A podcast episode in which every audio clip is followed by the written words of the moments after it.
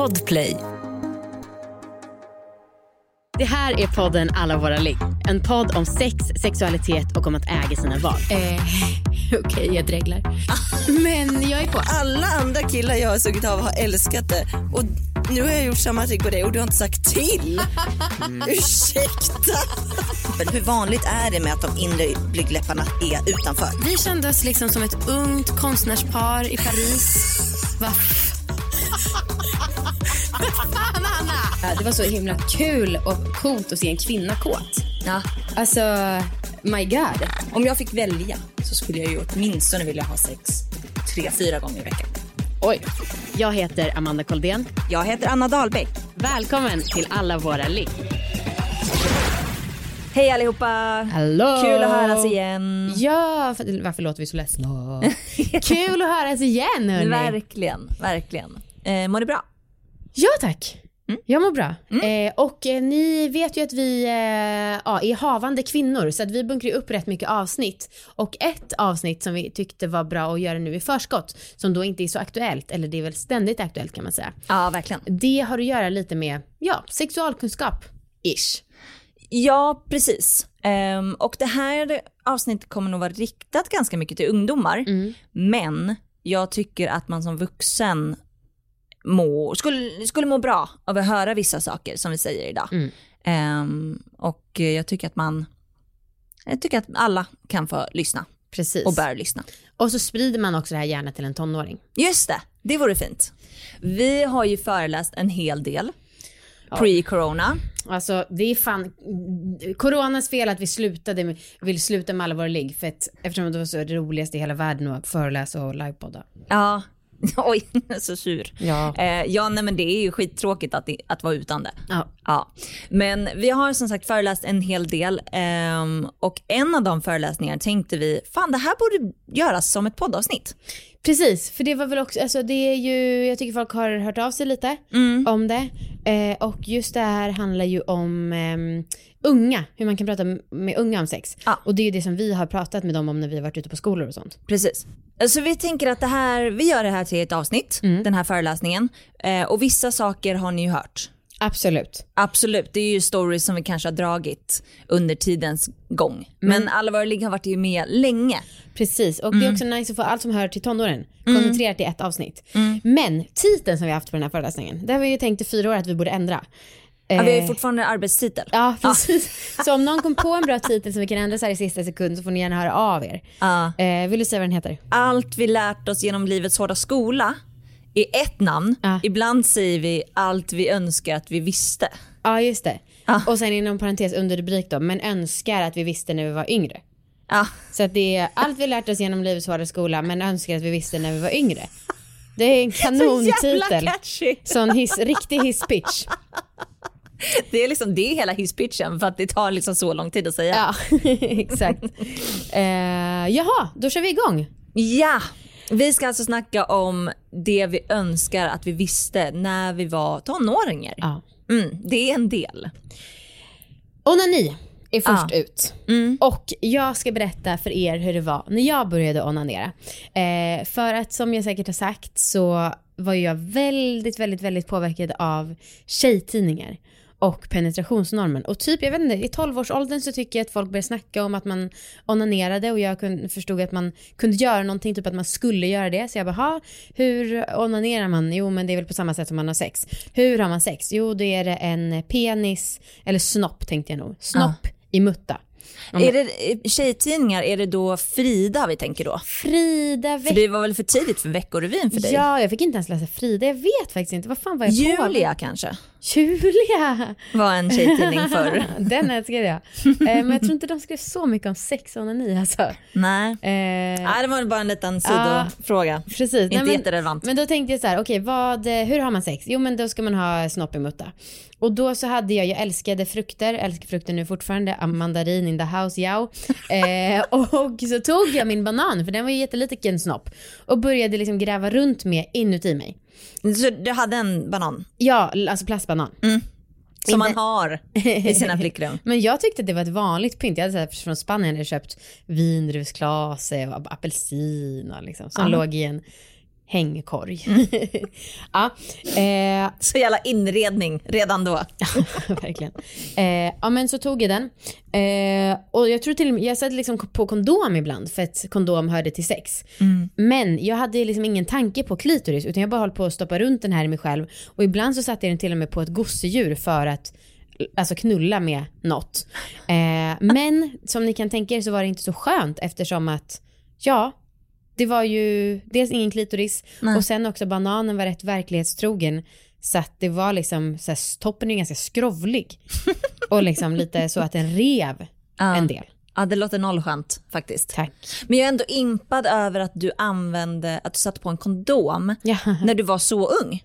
För jag tror att jag skrämdes av kondom när jag var så liten. ja, men det gjorde jag säkert med. Men jag tror också att jag tyckte det var lite pirrigt att gå in och sno en av mina Ja. föräldrar typ. Ja. Ja. Ehm, jag började onanera lite mer flitigt när jag var kanske 14-ish. Mm. Eh, och jag har ett väldigt tydligt minne av det. Eh, del, för dels så, jag älskade det verkligen. Och jag hade liksom hittat klitoris, jag tyckte det var asskönt, eh, jag kände mig kåt, jag fick orgasm. Alltså så här, det var liksom, Perfekt. jag var, jag var naturbegåvning. Ja, uppenbarligen. Nej men alltså, ja det säger jag. Ehm, däremot så skämdes jag så jävla mycket. Och jag tror att många delar den erfarenheten med mig. Men alltså jag hade sån otroliga skamkänslor efter varje onani och efter varje orgasm. Alltså så att jag ville gömma mig och ville, liksom, jag var så äcklad av mig själv. Jättetragiskt. Verkligen. Eftersom jag liksom, eftersom allt var fine. Allt var bra och skönt. Perfekt väg in i sexualiteten. Ja, ehm, så jag, jag gjorde lite olika liksom tricks och fix för att liksom få det att kännas lättare. Alltså för jag försökte att undvika att onanera. Så först försökte jag liksom att här, säga till mig själv att jag får verkligen inte göra det här. Eh, och satte olika liksom, straffsystem för mig själv. Typ att jag får inte, eh, om jag onanerar då får jag inte kolla på den här filmen jag hade tänkt se ikväll.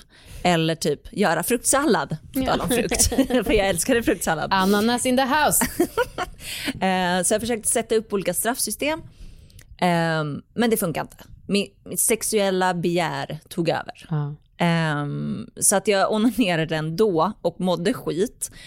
Så då så kom jag på att jag kunde, om jag la hela min kropp under täcket, även ansiktet, så kändes det inte som att jag gjorde det, som att jag var i rummet.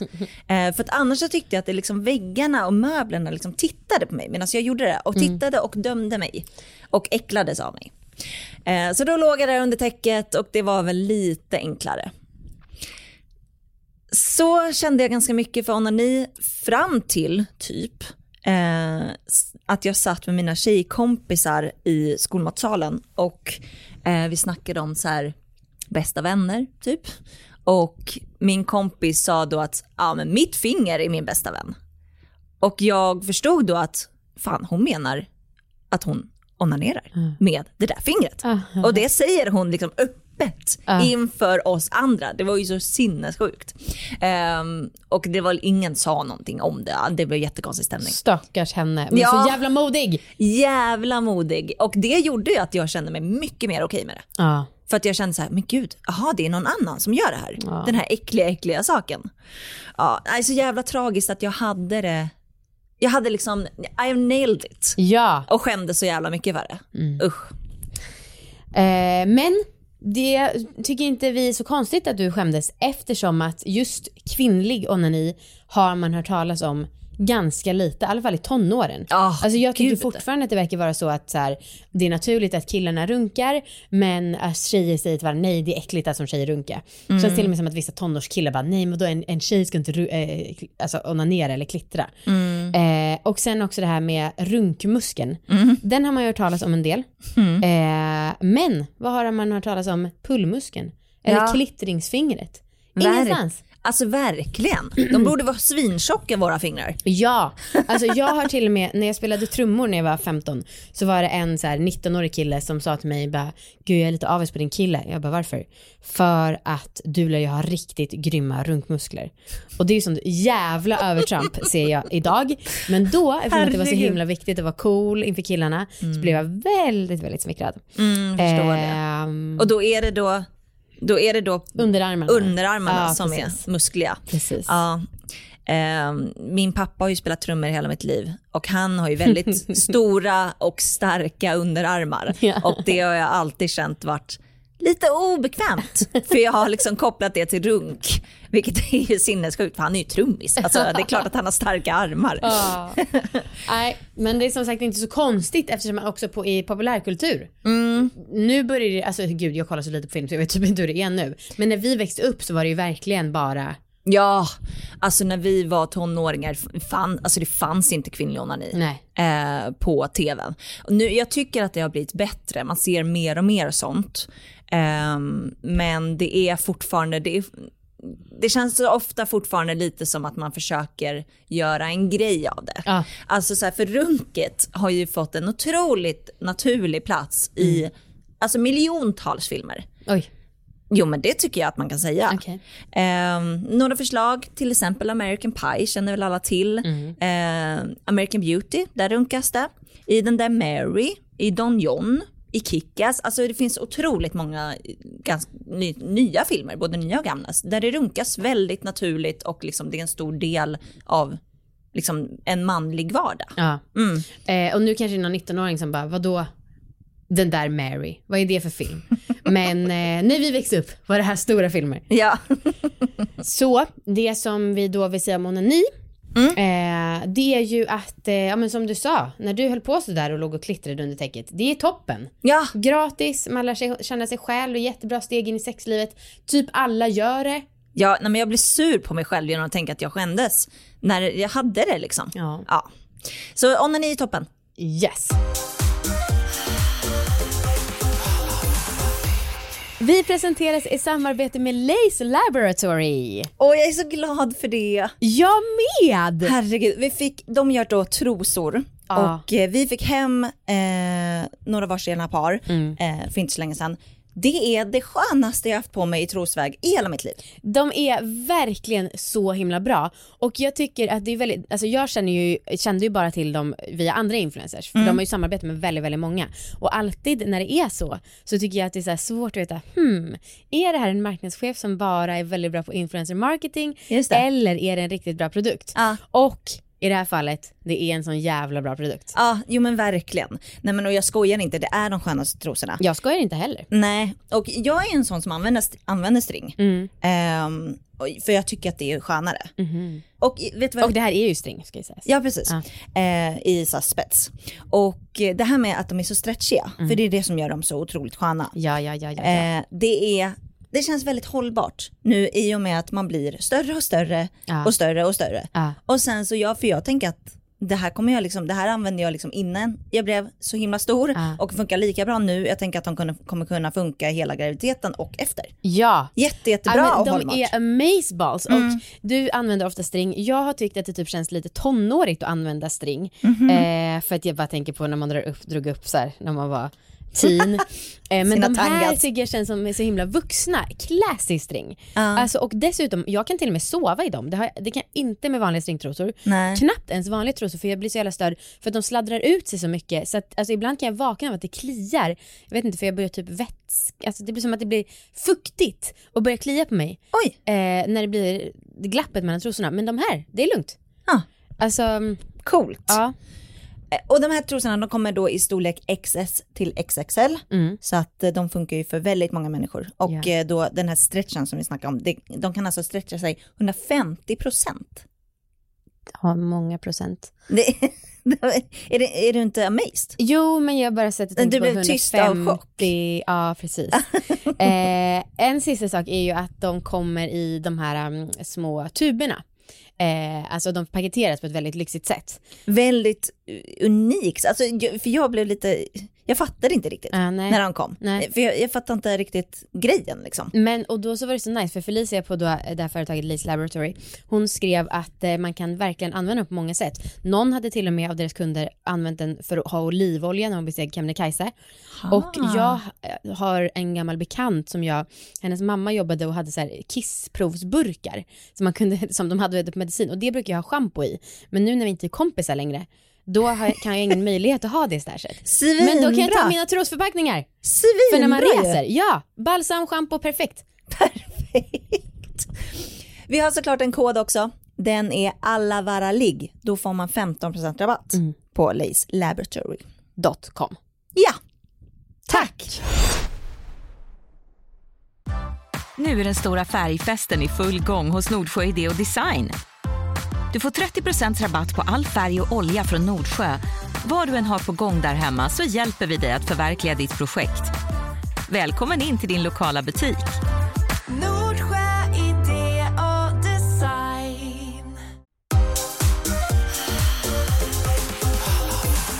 Vi går vidare och nu ska vi prata om horrykten. För det känns som att det var och är högst aktuellt hela tiden som tonåring. jo tack. Kommer typ aldrig försvinna tror jag. Tror du inte det? Nej. Nej. Det känns som en jävla helvete för alla tonåringar. Ja, eh, ja men jag, eh, det här har jag nog sagt ganska nyligen, men jag var ihop med en kille när jag var 13 år eh, och han var typ 12, men extremt pubertal. Så att han, vi hånglade satan och han var den första som tog mina bröst. Och det var helt underbart. Men han ville gå steget längre och ha riktigt sex. Jag vågade såklart inte. När han var så 12? Ja, jävlar. ja det var alldeles för tidigt. Ja. Eh, tycker jag i alla fall.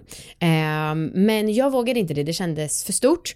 Och eh, då så han höll på att fula sig så här, smsade från en kompis telefon och bara hej det är Adam, eh, George undrade om inte han kan få sex med dig för han hade räknat med det. Alltså han var verkligen så riktigt lurig fast på ett uruselt sätt. Eh, men jag gjorde slut med honom och då så kallade han mig hora. Eh, och sen så berättade min mamma om det här för pappan som i sin tur bara skrattade. hans pappa? Ja, precis. Eh, som i sin tur bara skrattade bort det med någon sorts, ja, boys will be boys attityd. Åh herregud. Och nu är ju jag väldigt glad för att det här satte inte så mycket spår i mig. Men om jag hade fått ett horykte så hade det mycket väl kunnat påverka mig, alltså ända upp i den här åldern. tänker jag. Ja men det är, alltså jag är så jävla glad och tacksam över att jag inte haft ett slamp eller horykte. Ja. Eh, och känt att det varit lite konstigt nästan att jag inte haft det. Eh, Vilket är så jävla sjukt för att det, det ska bara vara helt naturligt. Alltså man ska inte, jag ska inte behöva känna mig tacksam. Nej, verkligen. Ja. Ehm, så att det vi önskar att vi var lite mer medvetna om när vi var tonåringar, det är hur otroligt inte okej det är med snabbrykten och horykten. Verkligen. Och att man ska ta det på allvar och meddela någon vuxen eller någon lärare. Ehm, och sen verkligen komma ihåg då som man är den här personen som sprider horykten. Don't fucking do it. Det kan verkligen sitta i ens liv. Vi har ju en bekant som så här i 36-årsåldern bara, nej men jag har lite problem med killar och relationer för att jag hade ett horrykte när jag var ung och liksom, det gjorde att min tillit helt brast. Alltså fatta och påverkat någon, någons liv så på det Ja, sättet. ja. Och sen så, nu kommer jag inte exakt ihåg detaljen, men i en av Katarina Wenstams böcker, Mhm. då berättar ju hon om några, jag tror att det var att de spred ett horrykte som i sin tur ledde till att de blev dömda för förtal. Ja. Eh, och så fick de böter som de då inte kunde betala för att de var 15 år. Och då fick de en prick i registret. Mm. Eh, så att det kan ju också få rent legala konsekvenser. Ja, och tragiskt nog så får det ju inte konsekvenser tillräckligt ofta. Nej. Eh, så jag tycker att vet man med sig om att man har liksom spridit något om någon annan person, så alltså man up. Mm. Ta konsekvenserna, alltså säg förlåt, herregud. Ja. Eh, det kommer s- säkert inte göra det okej ändå, men det är du skyldig att göra. Alright, vi går vidare till sexdebuten. Ja, hej. Mm. Jag ska berätta hej. min. Yay. Um, nej men när jag gick i nian, så, eller började nian, så var det som att det var ett plupp. Plötsligt hade alla haft sex. ja, för att i åttan så hade de inte haft sex, men i nian så hade plötsligt alla haft sex. All right. Och jag blev jätteförvirrad. Jag hade liksom inte alls eh, tänkt att jag skulle kunna ha sex då. Ehm, och då så blev jag så här, vad fan, skitstressad. Så jag började säga till folk att ja, men jag har också haft sex. Ja. Undrar hur många som gick på det. Ehm, nej men så jag liksom gick runt och sa att nej men jag har visst haft sex, alltså om någon frågade, det var inte så att, att jag skröt och hittade på historier. Eh, men jag skämde så jävla mycket för att jag var eh, oskuld. Och ehm, det gjorde att när jag väl började träffa en kille som jag dejtade lite så tyckte jag att det var så jobbigt att erkänna att jag liksom inte hade legat innan. Eh, så att allting blev så jävla mycket mer krångligt än vad det hade behövt bli. Alltså första gången vi skulle då ligga, försöka ligga, så var jag liksom så nervös, så torr, alltså det gick inte att få in någonting där inne. Ehm, och liksom, jag vågade inte säga någonting och allting var superstelt. Och sen försökte vi igen då ehm, och då så hade han tagit med sig glidmedel och det var ju jätte, jätteskönt. Alltså det var en sån jävla lättnad för mig. För jag vågade fortfarande inte säga något. Eh, vilket är också så jävla dumt. Eh, men då gick det i alla fall och det liksom var ju obekvämt absolut men det gjorde inte så ont ändå liksom. Ehm, och sen så väl under ligget så var jag så här, fuck jag kommer behöva få orgasm. Eh, det är liksom, nej men vadå orgasm? Det här är ju inte skönt överhuvudtaget. Eh, så jag fejkade en sån jävla superorgasm där jag liksom gick upp i brygga och liksom, ja, vi har ju, ja, vi har ju snackat om det lite grann men jag, jag tror, jag tror inte att han fattar att jag fejkade. Jag vet inte. Jag vet inte. Han var ju lite äldre, jag vet inte. Det kändes inte som det då, det kändes som att jag satte liksom att jag borde få någon slags Oscar för min Ja. prestation. ja, det kan ju vara så att du var extremt bra på skådespel, men vad fan, vem går ens upp i bryggan när den får orgasm? Jag tycker att alla killar borde reagera på tjejer som går upp i bryggan. Vadå, jag kan lätt göra det nu. Gå upp i bryggan när jag får orgasm. Jo men alltså, vad är din definition av brygga? Okej. inte stå på händer kanske. Åh det är så skönt, jag böjer mig upp i regnbågen. Ja, i alla fall. Ehm, det som gjorde det ännu mer ångest den här första gången, även om den var helt okej, det var att vi inte använde preventivmedel. Så att dagen efter så var jag tvungen att ha första snacket med min mamma om sex. Eh, för att jag behövde hjälp av henne att köpa ett dagen efter-piller. För jag vågade inte köpa det själv och jag visste inte hur man gjorde. Liksom. Eh, så allting var bara så himla liksom, onödigt mycket ångest bara för att jag inte vågade säga att jag var oskuld. Nej. Mm. Men för att bara lägga till en sak som jag tycker nu. Har du en kuk, då är det ditt jävla ansvar att sätta på en kondom på den. Absolut. Och det gör man bara. Alltså det är ingen så här, går det på p-piller för det finns könssjukdomar. Alltså man bara, det, det är bara en tillbehör man har när man har en kuk. Och speciellt om man är äldre och ligger med en person som är liksom 16 år. Ja. Ja, nej men du, du sätter på en kondom. Ja, och Mm. det är liksom inget knussel. Eh, min erfarenhet av att ligga första gången var ju lite annorlunda. Jag hade en ganska gullig gång. Mm. Alltså vi var båda 15, han, eh, Petter som han hette har ju gästat podden typ så här avsnitt 20. Mm. Eh, vi var väldigt kära och jag var tydligen väldigt noga med att vi båda skulle vara 15. Han skulle fylla år, jag kommer fortfarande ihåg när han fyllde år. Det är så lagen i första hand. Men det är bra Anna, för nu när jag har sökt alkoholtillstånd för Glassbryggan, Ah. då går de ju igenom min kriminella bakgrund. så att det var så här, varför tjänar du så lite pengar 2017? Alltså Ah. sådana grejer har de kollat upp. Varför hade du sex? Alltså, Med en det hade de 14-åring kunnat- hade de kunnat, ja. Eh, ja, vidare till sexet, förlåt. Eh, men då så, eh, vi var kära som sagt och det var extremt fumligt. Jag vet inte, båda vi var ju rädda för varandras kön, alltså att så här, ta på varandra med händerna var liksom det läskigaste jag kunde tänka. Ja. Men det var ändå eh, rätt gulligt. Men jag hade inte en tanke till skillnad från dig på att man skulle komma. Nej. Alltså, det enda jag tänkte var så här, fan det ska ju göra ont, man kanske blöder. Ja. Eh, men det är också en sån grej man har fått höra, bara, någonting kommer spricka. Nej, det är ingenting som behöver spricka. Alltså Nej. det behöver inte ens göra ont och det är inget fel. Det kan såklart göra ont. Men sex ska ju som regel inte göra ont. Då är det ju ofta något som är fel. Får jag bara fråga dig, kollade du mycket på sängen liksom, om du blödde eller så? Minns fan inte, nej jag tror inte det. Vi låg liksom i täckena över oss. Ja. Alltså, Ja. ingen vågar väl se på huden ens. Alltså, så. Ehm, och sen så har ju, den här bilden har ju vi lagt upp på Instagram ett, några gånger. Men den är ju en klassiker som håller än idag. Mm, vi kan väl göra det när det här avsnittet släpps. Absolut. Mm. För det här är då en bild, gå in på vår Instagram, alla våra ligg heter vi där, ehm, på två stycken olika korvar. En är liksom en eh, cabanos, ganska smal. ehm, Du är och så en bra annan på är- korvarna. Tack, tack. gud vilken komplimang. Mm. Och den andra är liksom en eh, chorizo, en tjocken. Ja. Ja, och då står det då att om den tjocka korven, om chorizon då, då är det liksom the penis of a virgin. Den här eh, snoppen har liksom inte blivit krossad inuti liksom massor av vaginor. Utan den är liksom tjock och fin och liksom oskuldsfull. Ja.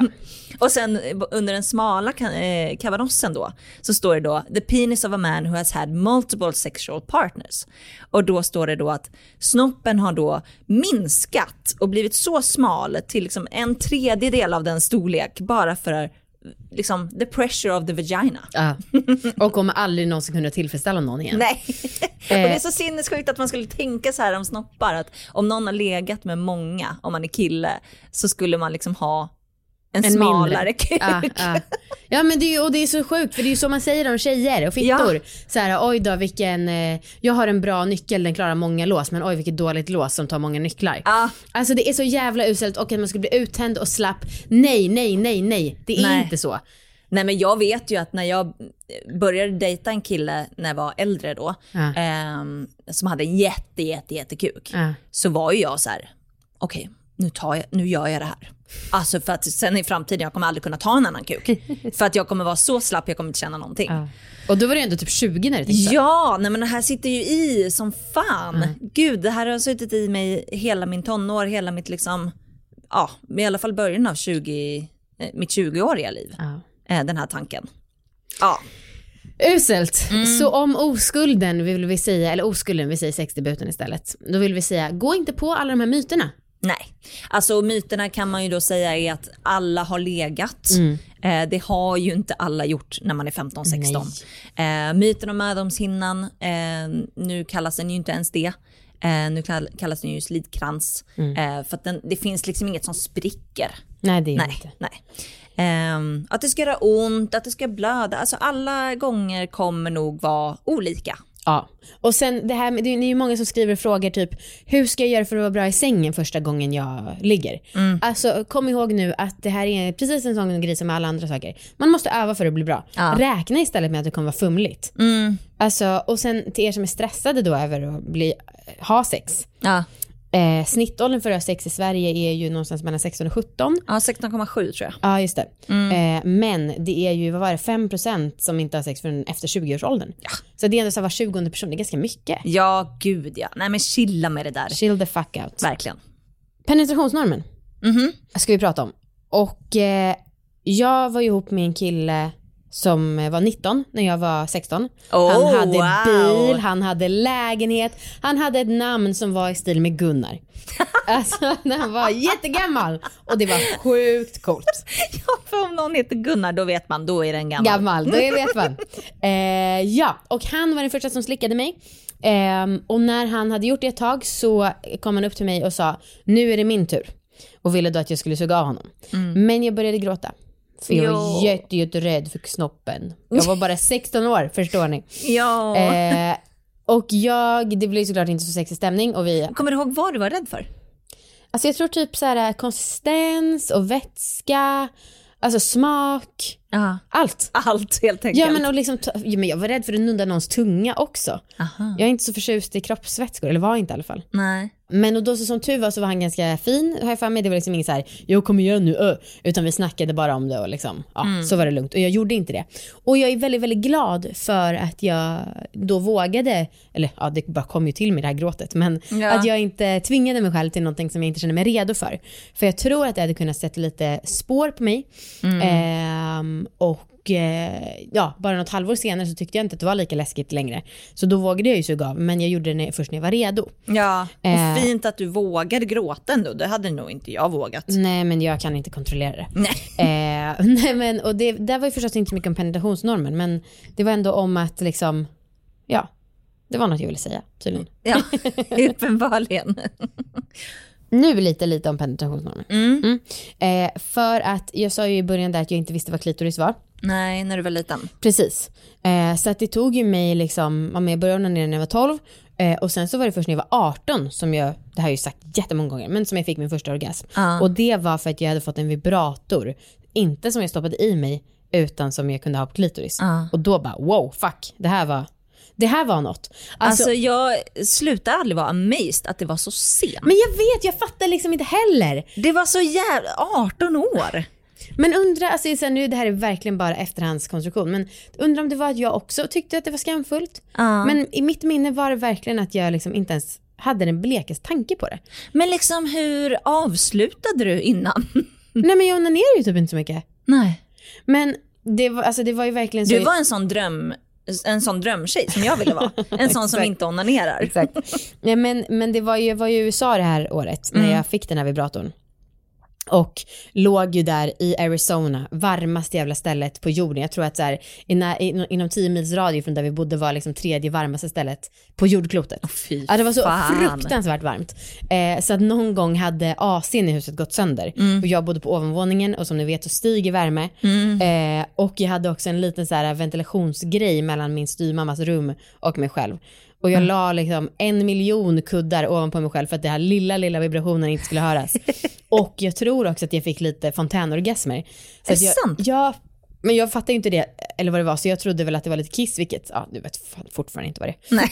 Men, och då så vet du, om det luktar lite, alltså det blir lite äckligt om det är sådär varmt också. Ja, jag kan Och så tänka mig hur det liksom- luktade där inne. Ja, och jag som blev helt dyngsvettig för det tog ganska lång tid då så jag låg och kämpade, kämpade och krampade och bara svetten rann och så här 40 grader i huset och Men ändå målmedveten. ja, fortfarande. Ja, nej men och det här bristen på insikt om vad klitoris är eh, känns ju löjlig att prata om när man är liksom över 30. För jag tycker väl att folk har väl lite bättre koll, i alla fall i vår ålder. Ja. Men eh, vi träffade en person i Tyskland för typ bara några år sedan, alltså ganska nyligen och han var ju runt 25 kanske. Ehm, och han frågade oss, efter vi hade föreläst där, så frågade han oss, hur ska jag göra eh, för att få min tjej att komma när vi ligger? Och då så sa vi, alltså det här låter ju jättelöjligt men ni fokuserar väl på klitoris, ni tar väl på klitoris? Och han var, what? At the same time? alltså han blev verkligen så jävla förvirrad Ah. och liksom hade inte ens tänkt tanken. Och då kan man ju tänka så här, när man är, när man är över 30, att så här, det känns så jävla självklart. Ja. Men han var ändå 25. Men och ni kanske tror att vi liksom ljuger eller överdriver, men det var verkligen så här. Ja. Han kom upp till oss i våran loge efter våran, våran föreställning eller vad det var. Ah. Och liksom ville verkligen ställa en viktig, viktig fråga. Och hade liksom noll koll Ah. på klitoris. Och det tycker jag är skamligt. Mm. Ja, det är sinnessjukt. Också jobbigt för dem med kuk att det ska vara så jävla skönt att bara ha kuken i sig. Ah, ja, jävla stress. Eh, så att det vi önskar att vi visste när vi var tonåringar, lite yngre, eh, det är väl att sex är vad man gör sex till. Alltså så här, man får själv välja vad sex är. Och det här är ju en jättestor och svår fråga. Men så här, vissa tycker ju att oralsex är sex, ja då får du väl tycka det. Vissa tycker inte att det är, är sex, ja men gör inte det då. Eh, utan man får faktiskt själv bestämma.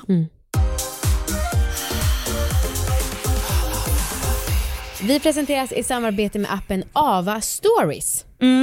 Vad är det? Det är en app som har eh, fokus på kvinnlig njutning kan man säga. Eh, framförallt ljuderotik. Ja. Och det här är någonting nytt. För mig i alla fall. För mig också. Ehm, de har alltså typ sex noveller fast i ljudform. Ja.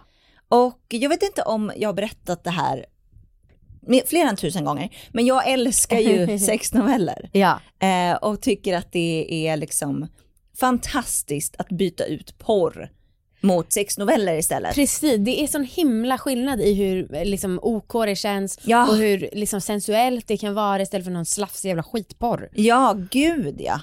Eh, och jag, jag skrev ju en del sexnoveller när jag var tonåring. Just det. Eh, och det var ju väldigt kul för de flesta tror jag skrev jag liksom innan jag hade legat. Eh, så att jag hade ju noll koll på själva sexet. Eh, så en av de här novellerna kommer jag väldigt starkt ihåg och jag kanske inte hinner dra den nu men, men det handlar liksom om att jag gick hem till en kompis men så var bara hennes storebror hemma så blev jag inbjuden och så käkade vi typ mellis. Runda Eh, mackor och boy. Ja, Und- det var liksom supermycket fokus på det. Och Men- sen var det bara, och sen låg vi. Men du vet, de vill ju gärna ha folks åsikter och bidrag till vilket innehåll de ska ha. Du kanske kan göra ett litet ljudprov och skicka in.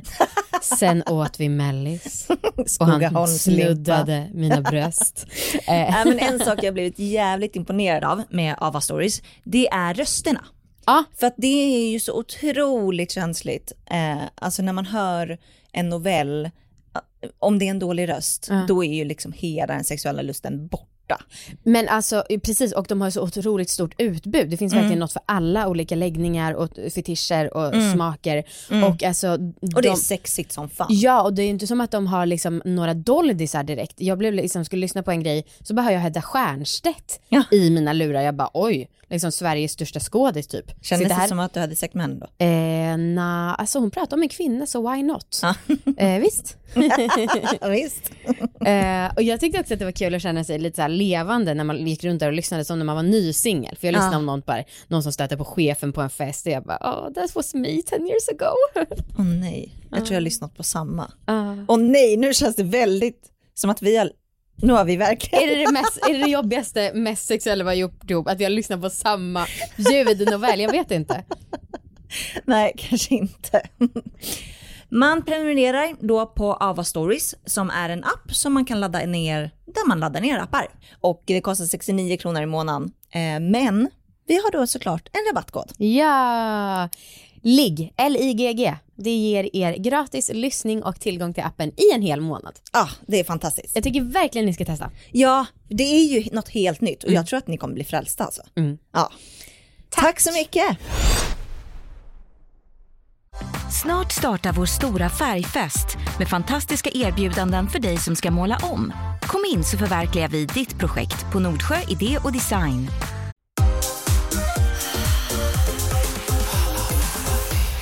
Moving on. Ja, eh, och det här kan vi inte göra utan att ta upp lite porr väl? Nej, verkligen, för det ska jag snacka om. Eh, nej men vi, eh, det här har vi också snackat om ett par gånger, det här med sexualundervisning. För att det fanns liksom inte när jag var ung. Alltså inte alls på samma sätt. Vi hade liksom två lektioner. Den ena var så här, det här är de könssjukdomar som finns, läs på. Det andra var, nu ska vi ha ett prov på vad ni har lärt er. Ja. Alltså det var liksom ingenting om liksom kondom, det var liksom, alltså det var liksom ingenting. Så att, det, och det är absolut inget om njutning eller samtycke eller liksom någonting sånt som man hoppas är, kommer bli i alla fall lite mer självklart idag. Eh, så att jag kände mig när jag skulle börja liksom ha sex och hade liksom en kille som jag var lite kär i som jag liksom höll på att bli ihop med så kände jag en sån jävla stress över att jag måste kunna mycket om sex. Jag måste liksom imponera på den här killen för nu har jag äntligen haffat honom för jag var kär i honom ett tag innan liksom. Eh, nu har jag äntligen haffat honom och jag är så himla kär, jag vill bara inte att han ska dumpa mig för att jag är dålig på sex. Så jag kände mig jättestressad över det. Så jag kollade supermycket på porr eh, från att jag var typ 16. Och det var ju liksom, alltså till en början absolut för att det var spännande och så.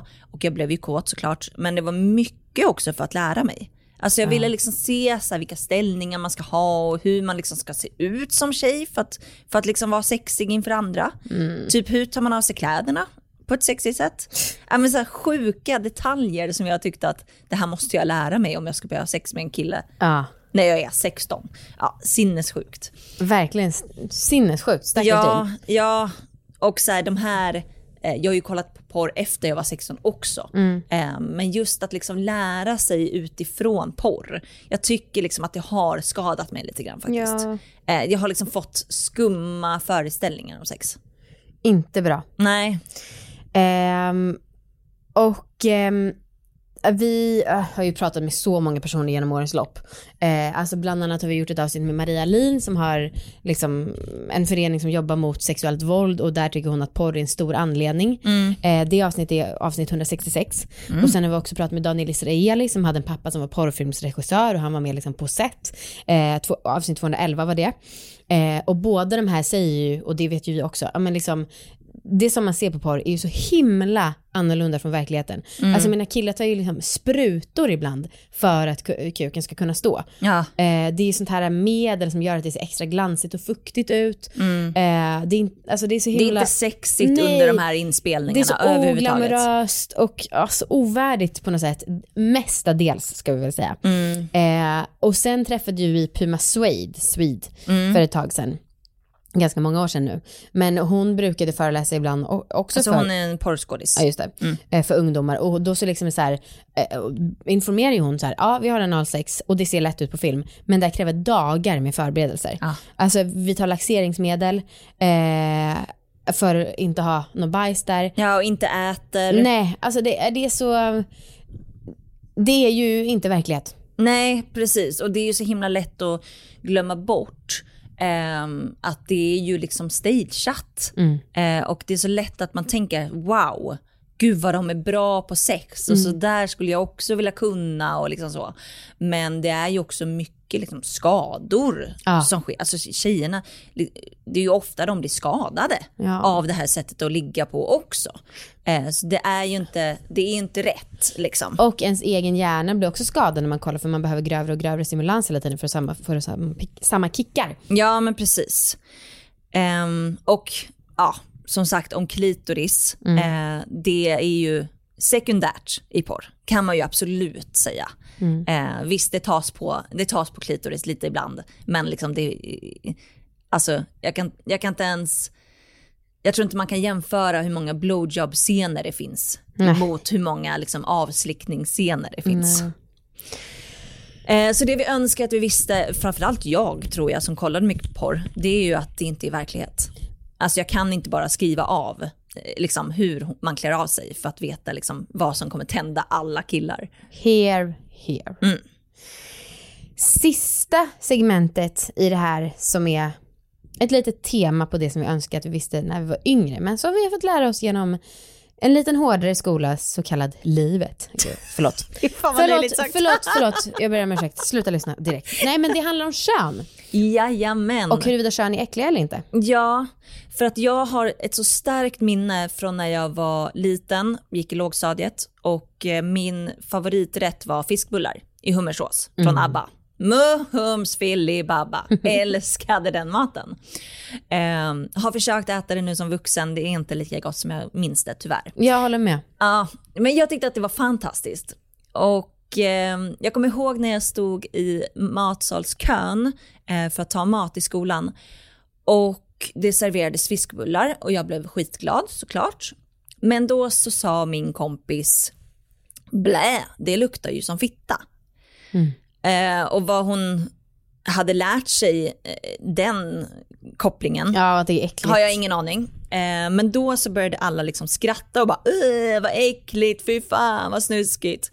Så då vågade inte jag ta fiskbullar. Och sen så vågade inte jag äta fiskbullar förrän jag var typ 27, 28.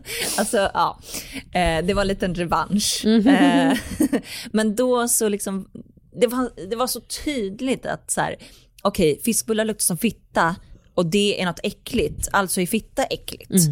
Ehm, och det här tycker jag följde med liksom i gymnasiet. Alltså även när jag var liksom runt 17 så tycker jag att så jävla många snackade om möglig fitta. Ja.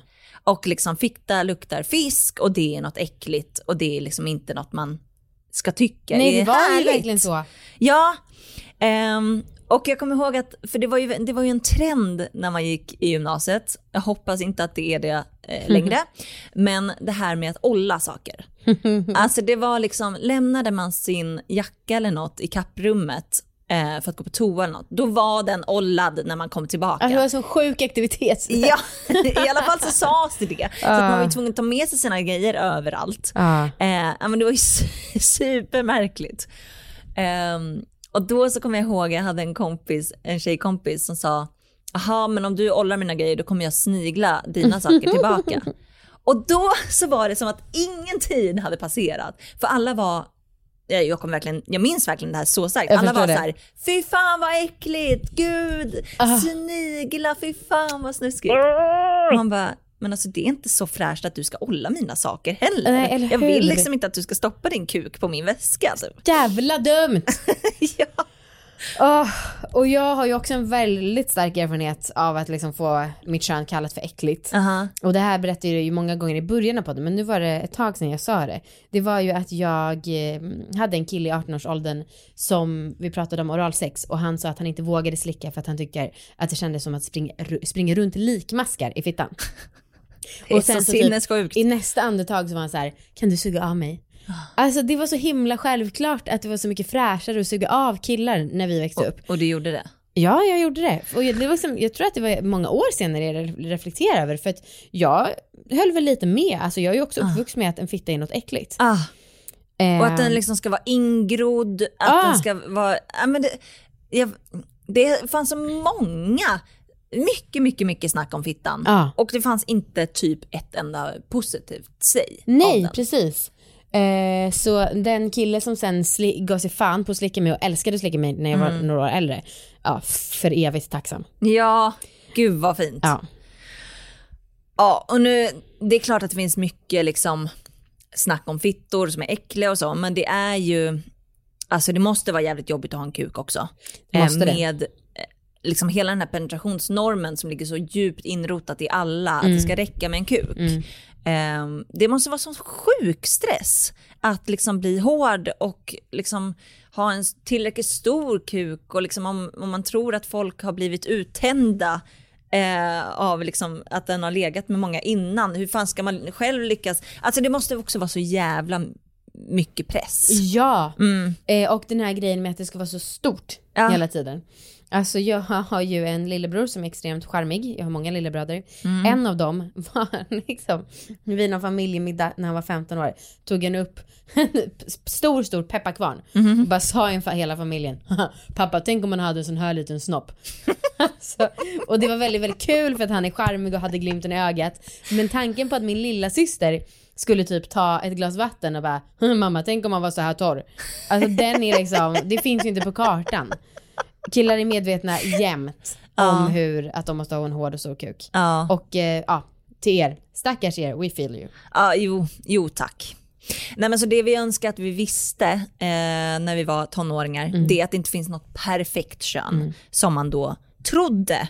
Och liksom alla ser olika ut, eh, det kommer kroppsvätskor, det är liksom, det är så det är. Och fittan är inte möglig. eh, eller ingrodd eller liksom snuskigare än en kuk. Utan det är bara olika kön helt enkelt. Mm. Så ja, det är ju några av de här punkterna som vi brukar ta upp när vi har varit och föreläst för tonåringar. Mm. Jag tycker, tycker att det är ganska bra. Alltså jag blir stolt. Vad bra. Jag tänker att ehm, det kan vara kul även för äldre att få en liten trip down memory Ja, lane. för vi vet ju att många känner igen sig i det här. Ja, ja, gud ja. Och även jag tycker att det är bra att reflektera över sådana här historier Mm. från när man var tonåring. På liksom hur, vad har det liksom gjort för en idag? Hur har det Precis. förändrat en liksom, ens bild av sex? Är det så att man har svårt att få orgasm? Ja, det kanske har att göra med att du har fått höra hela ditt liv att ditt eh, kön är äckligt. Precis. Eller att du bara kör penetration eller liksom sådana ja, saker. ja. ja, det var väl allt för idag.